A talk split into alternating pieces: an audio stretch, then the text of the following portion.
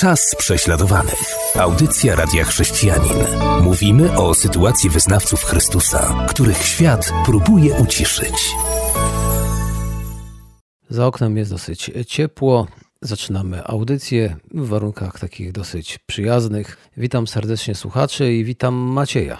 Ja również witam naszych słuchaczy i Ciebie, Robercie, w tym przedwakacyjnym okresie. Wakacje się zbliżają, pewnie nie dla wszystkich. Niektórzy nadal będą chodzić do pracy, będą ciężko pracować, a pracocholicy to nawet pewnie nie biorą pod uwagę jakiegoś wypoczynku. Ale coś dla nas przygotowałeś w tym kontekście. Tak, chciałbym dzisiaj porozmawiać o wakacjach, tu oczywiście w cudzysłowie to słowo trzeba ująć, wakacjach prześladowanych chrześcijan. Czyli jak oni spędzą najbliższe wakacje te nasze wakacje, tutaj ten okres wakacyjny, gdy nie ma szkoły, gdy wielu z nas wybiera się na urlop, niektórzy wprost nie mogą się doczekać wakacji, urlopu. Marzymy o chwili wytchnienia, o tej wolności, oderwaniu się od tego całego kołowrotu codziennych obowiązków. Często z dużym wyprzedzeniem, nawet rocznym, planujemy już, jak spędzimy ten nasz długo wyczekiwany urlop, gdzie pojedziemy, co zwiedzimy, na jaki obóz dzieci wyślemy. Przez cały rok albo i dłużej oszczędzamy, aby było nas na to stać. No i potem nie jeden raz się tak zdarza. Myślę, że każdy z nas przynajmniej raz w życiu coś takiego przeżył. Jakieś nagłe, niespodziewane wydarzenie, krach, krzyżuje nam plany. Jesteśmy załamani, nici z urlopu i tryskający kolorami nadziei świat staje się taki buroszary.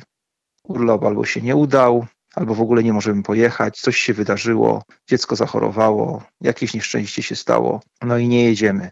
No tak bywa, tak. Pandemia też nami mocno wstrząsnęła i w dużym stopniu pokrzyżowała plany wakacyjne, ale myślę, że wielu z nas i tak się jakoś tam udało odpocząć. Było trochę luźniej latem. Teraz mamy wojnę w Ukrainie. Myślę, że żaden z naszych sąsiadów ze wschodu, z Ukraińców, nie będzie miał w tym roku prawdziwych wakacji. Nam, Polakom, może jakoś się uda gdzieś dychnąć na chwilę. No, tak to jest wokół wakacji. A jak to jest wokół tych wakacji prześladowanych chrześcijan? No właśnie, tutaj zanim o nich powiemy, to może taki krótki kontekst biblijny, bo prześladowani chrześcijanie cierpią z powodu wiary w Ewangelię, wiary w Boże Słowo, wierności Chrystusowi, który jest treścią Biblii, treścią Pisma Świętego. I Słowo Boże mówi dużo o odpoczynku i Pan Jezus zachęca do odpoczynku. W liście do Hebrajczyków w rozdziale 4, w wersecie 9 czytamy, że pozostaje odpocznienie dla ludu Bożego. W Starym Testamencie Bóg wprowadził szabat i tygodniowy i roczny, aby lud Boży mógł odpocząć. Gdy uczniowie Jezusa byli zmęczeni, też odesłał ich na osobność, aby trochę odetchnęli, aby nabrali nowych sił. I Bóg zdaje sobie sprawę, że nasze siły fizyczne, mentalne, emocjonalne się zużywają i potrzebujemy takiego resetu, potrzebujemy odpoczynku. I jeśli to jest możliwe, no to warto, warto korzystać z tego, żeby po prostu odpocząć.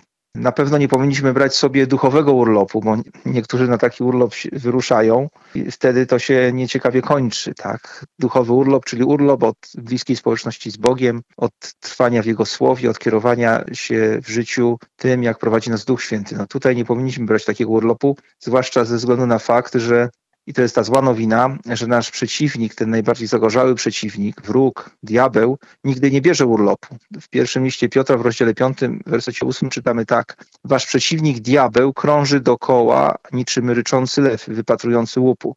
W oryginale ten tekst brzmi jeszcze mocniej, bo generalnie chodzi o to tutaj, że on to robi cały czas i nie bierze urlopu ani dnia wolnego. Tak? Cały czas szuka jakichś słabych punktów wokół nas, aby nas dopaść cały czas e, stara się nam zaszkodzić. Ale jest też dobra nowina, bo Chrystus, nasz Pan i Zbawiciel, również nigdy nie bierze urlopu. W liście do Hebrajczyków w rozdziale 7, w wersecie 25 czytamy, że może On zatem na zawsze zbawić tych, którzy przez Niego przychodzą do Boga, bo wciąż żyje, aby się za nimi wstawiać. Innymi słowy, Jezus nieustannie troszczy się o nas. On żyje tym, aby wstawiać się za nami. On, on jest dla nas, on jest cały czas dostępny, on pragnie przeżywać z nami każdą chwilę naszego życia. Tak więc mamy tą złą nowinę i dobrą nowinę, a my jesteśmy tu zawieszeni trochę tak pomiędzy. Mamy wroga, mamy przyjaciela, i cóż, i te, takiego wroga i przyjaciela mają też y, prześladowani chrześcijanie, i niestety w przypadku większości z nich o prawdziwych wakacjach w tym roku na przykład, no tak naprawdę to jest tak co roku, to nie ma mowy, tak? Oni po prostu na żadne wakacje nie pojadą. Na urlop też raczej nie mogą liczyć od swojego cierpienia, od presji, od ucisku, w jakim się znajdują.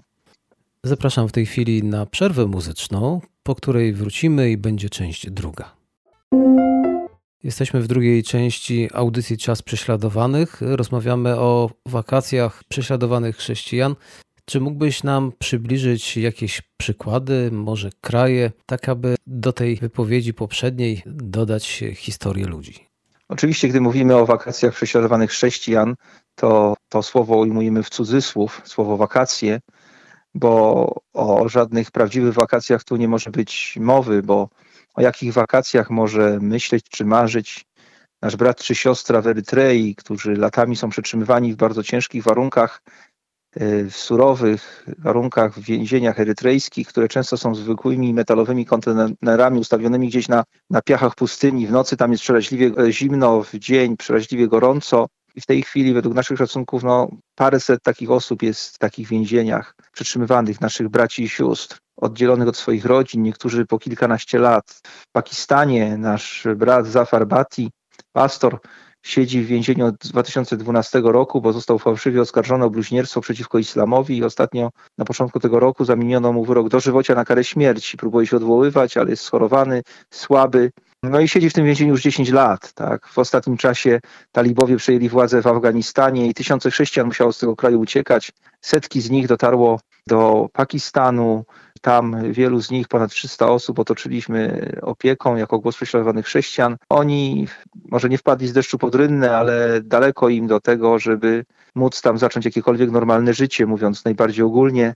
Na pewno nie myślą teraz o wakacjach, o urlopie, o spędzeniu czasu nad morzem gdzieś. Adwokat Gao Zhashang od paru lat po raz kolejny przepadł bez wieści porwany przez chińską służbę bezpieczeństwa. Z rodziną nie widział się od 2009 roku, gdy jego żona i dwoje dzieci uciekli do Stanów Zjednoczonych. Z kolei Ali Mujahimiti, nasz brat w Chrystusie, Ujgur, nawrócony muzułmanin, również z Chin, od 2008 roku, już ponad 14 lat siedzi w więzieniu fałszywie oskarżony o kolaborację z Zachodem, o szpiegostwo, a chodziło po prostu o to, że głosił Ewangelię tym ludziom, którym nigdy nie powinien głosić Ewangelię w Chinach, czyli Ujgurom. W Korei Północnej mamy w obozach pracy i w więzieniach szacujemy około 30 tysięcy chrześcijan.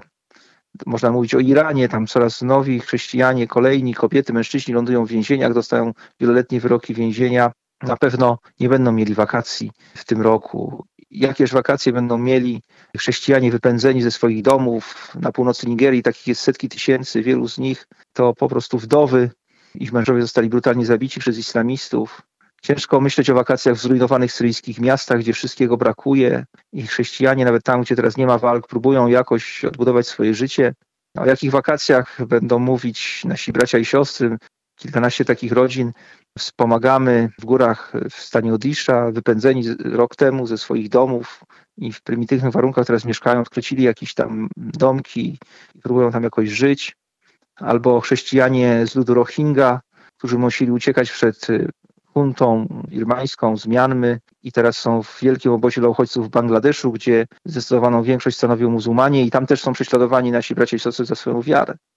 A młode chrześcijanki, porywane, gwałcone i siłą zmuszane do poślubienia muzułmanów w Pakistanie, Egipcie, Nigerii i wielu innych, które latami oczekują na ratunek i który często nie może nadejść i wszyscy już prawie o nich zapomnieli, one dalej cierpią. Jak wiele dziewcząt z liceum w Chibok, które w 2014 roku zostało uprowadzone, niektóre do tej pory się nie odnalazły. W Burkina Faso, tam gdzie też dużą służbę jako głos prześladowanych chrześcijan prowadzimy wśród uchodźców chrześcijańskich, dziesiątki tysięcy z nich musiało uciekać przed y, islamistami ze swoich domów. Wszystko stracili, mieszkają gdzieś teraz kątem, dlatego że gościny udzielili im tak jak mogli, też mają skromne warunki ich bracia i siostry w większych miejscowościach. No i teraz patrzą na to, że ich kraj się rozsypuje, że islam z coraz większą siłą tam przejmuje kontrolę i obawiają się, że może jeszcze się nasilić ucisk. No, jakie wakacje będą mieli? No, będą walczyć o przetrwanie, o, o byt i dzięki Bogu, że jeszcze tam nasza pomoc do nich może dotrzeć i do wielu innych, o których tu wspominałem. I gdy tak myślę o naszych braciach i siostrach, to, to chcę pamiętać o tym, że to są tacy ludzie jak my. Oni też mieli wiele marzeń i mają wiele marzeń i niestety wiele ich marzeń pozostanie niespełnionych. Na pewno marzeń odnośnie jakiejś chwili wytchnienia, a już na pewno takie marzenia, jakie my mamy odnośnie wakacji czy urlopów, to dla wielu z nich to są rzeczy zupełnie z jakiegoś innego świata, z jakichś filmów, czegoś, czego oni nie doświadczyli, nie doświadczają, być może w najbliższej przyszłości też nigdy nie doświadczą. Wysłuchajmy teraz utworu muzycznego, po którym będzie część trzecia.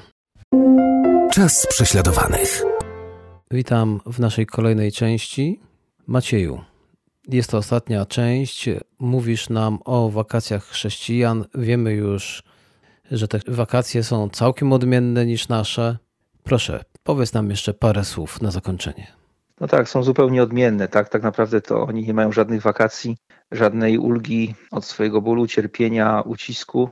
Jeżeli są w stanie wytrwać, to dlatego, że spoglądają wzwyż, spoglądają ku górze, ku Chrystusowi. W nim mają nadzieję i też spoglądają w dal, w przód i to nie gdzieś tu w przyszłość taką ziemską, ale w wieczność. Dla nich to, że mamy życie wieczne od Chrystusa ma kolosalne znaczenie. To ich trzyma tu na ziemi, w tym trudzie i znoju, bo, bo żyją tą obietnicą, że, że to życie tu na ziemi jest tylko chwilowe, to co widzialne przemija, ale prawdziwą wartość ma to, co niewidzialne i prawdziwą wartość ma to życie, życie wieczne, jakie w całej pełni zostanie nam objawione i jakiego będziemy doświadczać już, gdy będziemy z naszym Panem w niebie.